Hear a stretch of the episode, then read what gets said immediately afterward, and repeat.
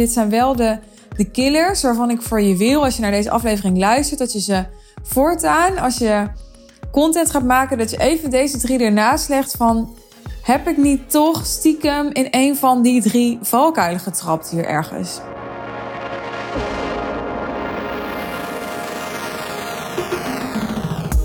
Weet je dat als je klant bij ons bent in de Real Deal, ons business traject, dat we dan ook feedback geven op je content en niet ja, mega uh, gedetailleerd of zo. Het is niet zo dat, dat we teksten redigeren of wat dan ook. Want ik ben je business coach, dus ik vind het heel belangrijk om hoog over met je naar je strategie te blijven kijken. En dus niet te veel te verzanden in details.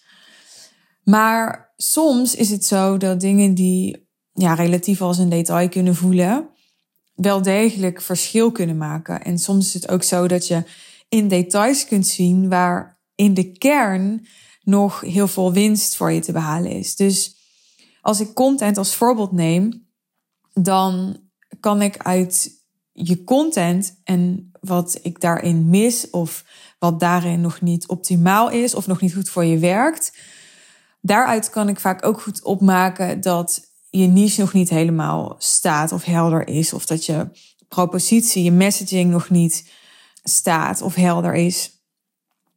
Ik kan daar soms ook um, mindsets uithalen, een bepaalde houding van je uithalen. Jouw content is best wel een hele kwetsbare weerspiegeling van jou als ondernemer vaak. Dus vandaar dat ik het uh, zinvol vind om ook met mijn klanten mee te kijken naar hun content. Ik zeg overigens altijd als mensen aan mij vragen: Oh, help je ook met dit in de real deal? Of help je ook met dat in de real deal? Dan zeg ik: Ja, ik help overal mee, zolang het maar wat mij betreft zinvol is voor het realiseren van de resultaten waarvoor je bij ons investeert. En ja, alles wat daaraan bij kan dragen en substantieel bij kan dragen, daarbij wil ik helpen. Maar ik geef ook wel eens pushback. Dus ik krijg ook wel eens vragen waarvan ik denk, ja, dit leidt je alleen maar af. Of dit is niet de meest optimale vraag om te stellen. En dan zie ik het ook als mijn verantwoordelijkheid als jouw business coach. Dat ik je leer dat je andere prioriteiten uh, te stellen hebt. Of um, kwalitatievere vragen te stellen hebt. Nou goed, we gaan naar uh, het thema van deze aflevering. En um, die kan je al uit de titel van deze aflevering halen. Ik wil namelijk drie content killers met je delen die ik nog veel tegenkom. Als ik dus mijn klanten feedback geef op hun teksten. Dus ik kom dit niet in general per se veel tegen, want ik praat in deze afleveringen ook niet in general. Ik probeer me natuurlijk te richten op potentiële klanten. En ik beantwoord dus in deze podcast ook heel vaak uh, vragen van mensen die daadwerkelijk klant bij mij zijn. Dat vind ik heel belangrijk. Als je het dan toch over content hebt, dan is het denk ik goed om altijd na te gaan. De vragen die je krijgt voordat je die gaat beantwoorden, gaat behandelen in je marketing, zijn die ook relevant en zijn dat ook de vragen van wie daadwerkelijk jouw droomklant is? Of zijn dat ook de, de issues, de behoeften van wie daadwerkelijk jouw droomklant is? Of is het misschien een vraag van iemand die helemaal nooit klant bij je zou worden. Of die misschien wel klant bij je is, maar waarvan je denkt, nou, die zou ik eigenlijk niet meer als klant willen. En zegt het belangrijk om bij stil te staan. Ja, drie content killers. Het zijn misschien niet de meest originele, maar hè, ik vertel het laatst al een keer in een uh, andere aflevering. Wat mij betreft heb je als ondernemer ook niet de originaliteitsprijs te winnen, dus dat heb ik ook niet. Dit zijn wel de belangrijkste en dit zijn wel de, de killers waarvan ik voor je wil, als je naar deze aflevering luistert, dat je ze voortaan, als je content gaat maken, dat je even deze drie ernaast legt van...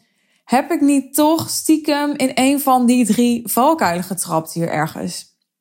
En ik hou het bewust bij drie, omdat ik denk, ja, ik kan er ook best acht noemen. Maar ik ga liever je helpen om te focussen op deze drie, omdat ik denk dat dit de belangrijkste zijn. Oké, de eerste is vaagheid abstractie en verwijzingen. Ik heb die even als eenheid bij elkaar genomen. Kom ik echt nog best wel veel tegen. En wat er laatst gebeurde bij een klant van mij, is dat ik haar erop attendeerde dat er heel veel verwijswoorden in haar post zaten. En verwijswoorden, daarvan weet je al, als die er veel in zitten, dan creëer je automatisch vaagheid. Dus woorden als dat, hè, dus um, als je schrijft dat is erg lastig of dat is erg leuk. Oké, waar slaat dat op? Jij denkt heel makkelijk en snel dat het duidelijk is waar je naar verwijst. Maar heel vaak is dat niet zo. En uh, ik zeg wel voor de gein, ik ben een uh, half autist. Uh, wat wil zeggen dat ik vrij letterlijk praat en ook vrij letterlijk lees. Dus ik kijk altijd heel letterlijk naar, ja, wat staat hier nou eigenlijk? En op het moment dat het op meerdere manieren het interpreteren is, dan ben je wat mij betreft gewoon af. Want als het een examenvraag zou zijn, dan kom je daar ook niet mee weg.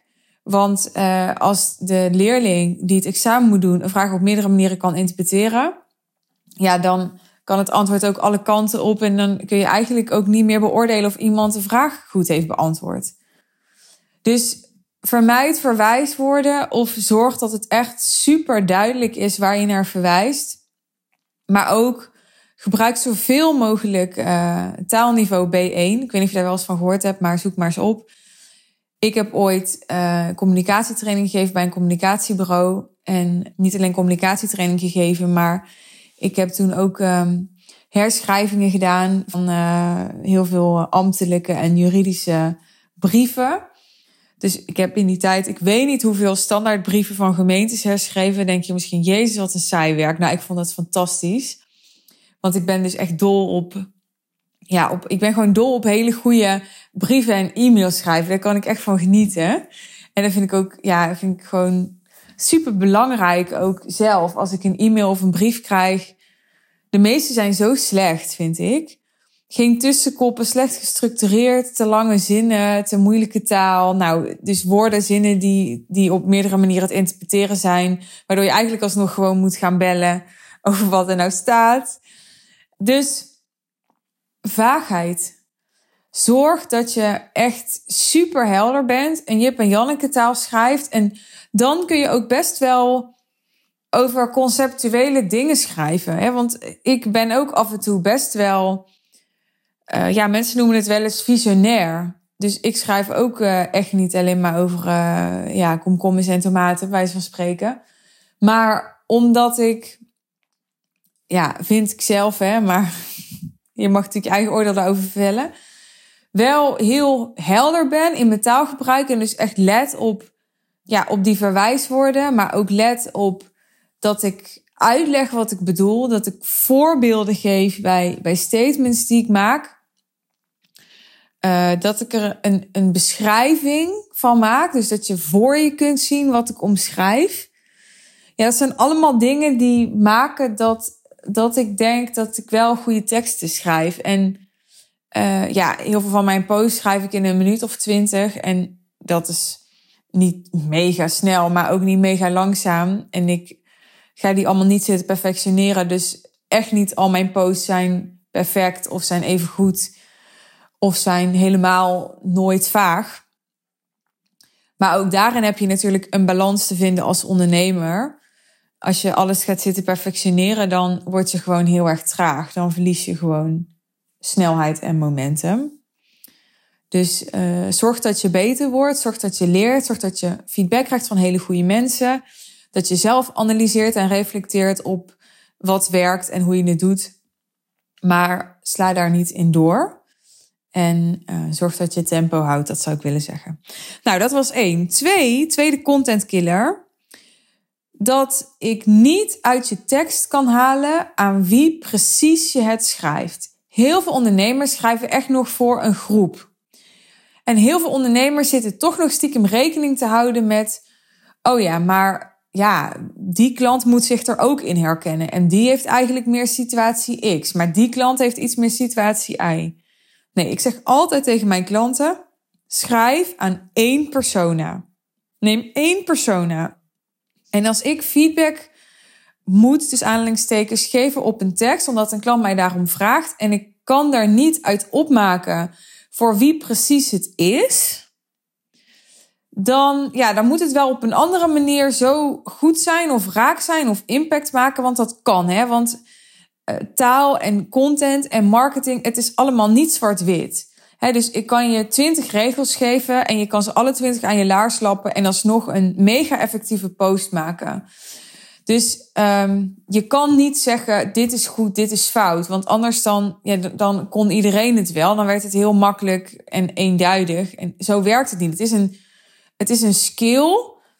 En um, ook zeker een skill die authenticiteit vraagt. Dus het is niet iets wat je volgens een stappenplan zo even 1 plus 1 is 2 toepast.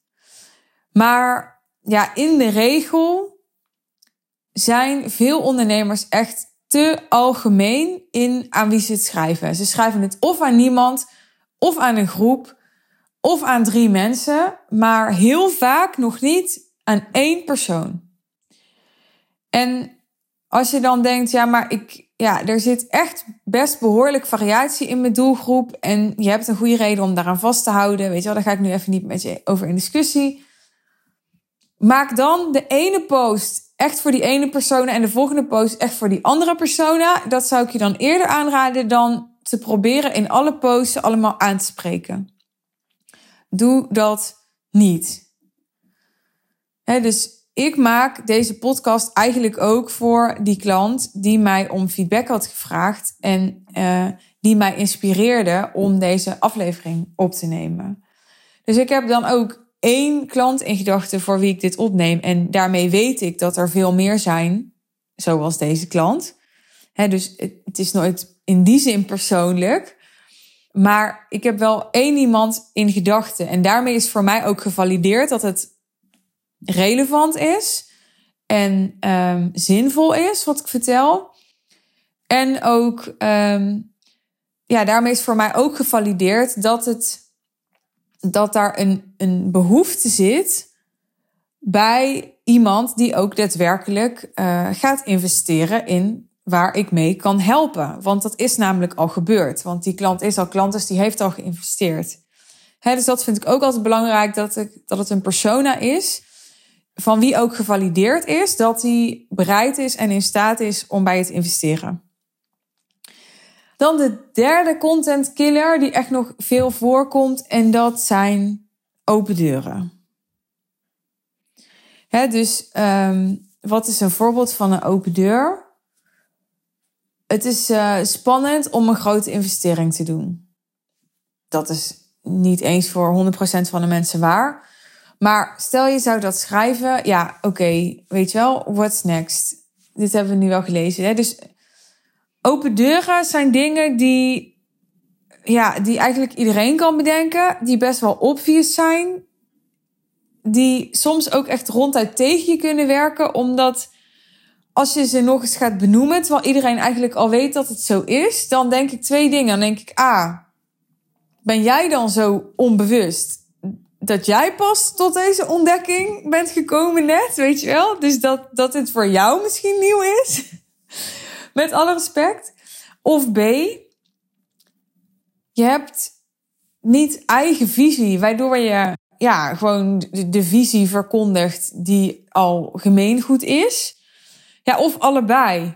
Dus het kan echt heel erg afbreuk doen om, ja, om open deuren te gebruiken. En um, ja, open deuren is dus alles wat, wat iedereen al weet, of wat, wat elke concurrent van je ook zou kunnen zeggen. Dat is ook zo'n killer dus ja, als je um, relatietherapeut bent of zo, ja, ga niet schrijven dat het belangrijk is om met elkaar te blijven praten of om, om tijd te maken voor elkaar of zo, weet je. En natuurlijk, daar kan je wel noemen in een bepaalde context van een veel gelaagdere visie. Nogmaals, allemaal niet zo zwart-wit. Maar ja, dingen die, die gewoon volkomen logisch zijn om, om sowieso te horen van een relatietherapeut. Maar eigenlijk die sowieso volkomen logisch zijn als, als je wie dan ook zou vragen. Nou, hoe onderhoud je een goede relatie? Ja, die zijn gewoon niet boeiend genoeg. Dus het feit dat jij ze wel boeiend genoeg vindt om op te schrijven, uh, maakt dat ja, dat ik het gevoel heb dat, dat je mij niet echt iets interessants kunt leren. Ja, dat is misschien hard om te zeggen, maar daar komt het op neer.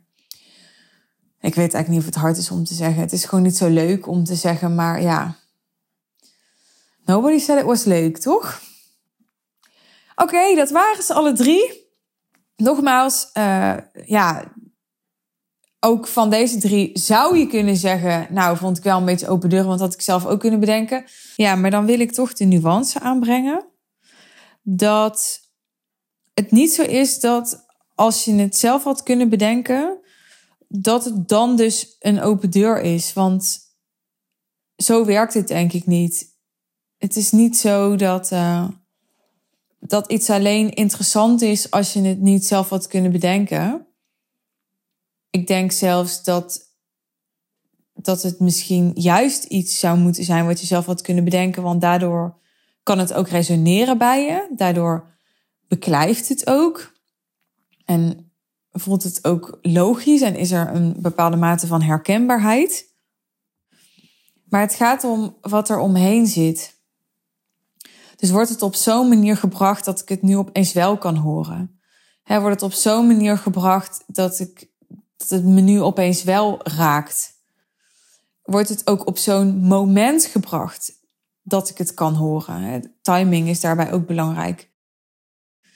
Laat het me weten als je door deze aflevering toch stiekem even je laatste post hebt aangepast. Ik ben super nieuwsgierig.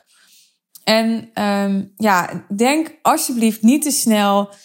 Oh, maar dat doe ik niet. Hè, want dat geldt voor mij ook niet. Als je mijn post gaat zitten lezen, dan kun je mij ook drie open deuren DM'en die ik ooit uh, erin heb verwerkt. Of misschien wel dertig.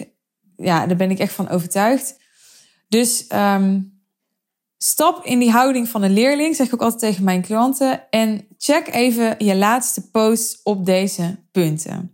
En als je aan me wilt terugkoppelen wat eruit kwam, dan uh, doe dat gerust. Ik ben echt nieuwsgierig.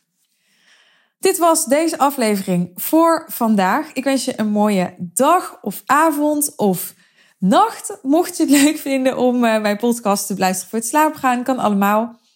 Wil je ook persoonlijke feedback van mij op bijvoorbeeld je content, maar ook op je aanbod, op je salesgesprekken, op je mindset, op je houding, op je productiviteit, op alles wat zinvol is en wat eraan bijdraagt en wat maakt dat jij de resultaten gaat halen waar je naar verlangt, dan ehm, kun je een call boeken met ons over mijn business traject, de Real Deal. Ga even naar de show notes, daar vind je een verwijzing naar de sales page over de Real Deal. En daar kun je je call boeken. Is dat om wat voor dan ook nog een brug te ver? Zorg dan dat je er op 13 oktober bij bent tijdens de laatste High Level Sales One Day Intensive. Dit is um, het enige event van mij dat in de agenda staat. Uh, hierna is er voorlopig geen event en is de enige mogelijkheid om met mij te werken in de Real Deal, waarbij je direct een commitment van een jaar aangaat. Dus vind je het interessant om één dag met mij te werken? Dat kan voorlopig alleen deze 13 oktober. Wil je nog last minute een ticket? Dat kan. Ga naar de show notes en claim je ticket. Het zijn wel de laatste tickets, dus ik zeg dat kan. Maar het kan zijn afhankelijk van hoe hard het deze laatste weken gaat, dat we zijn uitverkocht. Dus um, nou ja, nog een reden om er snel bij te zijn. Graag tot de volgende aflevering. Bye bye.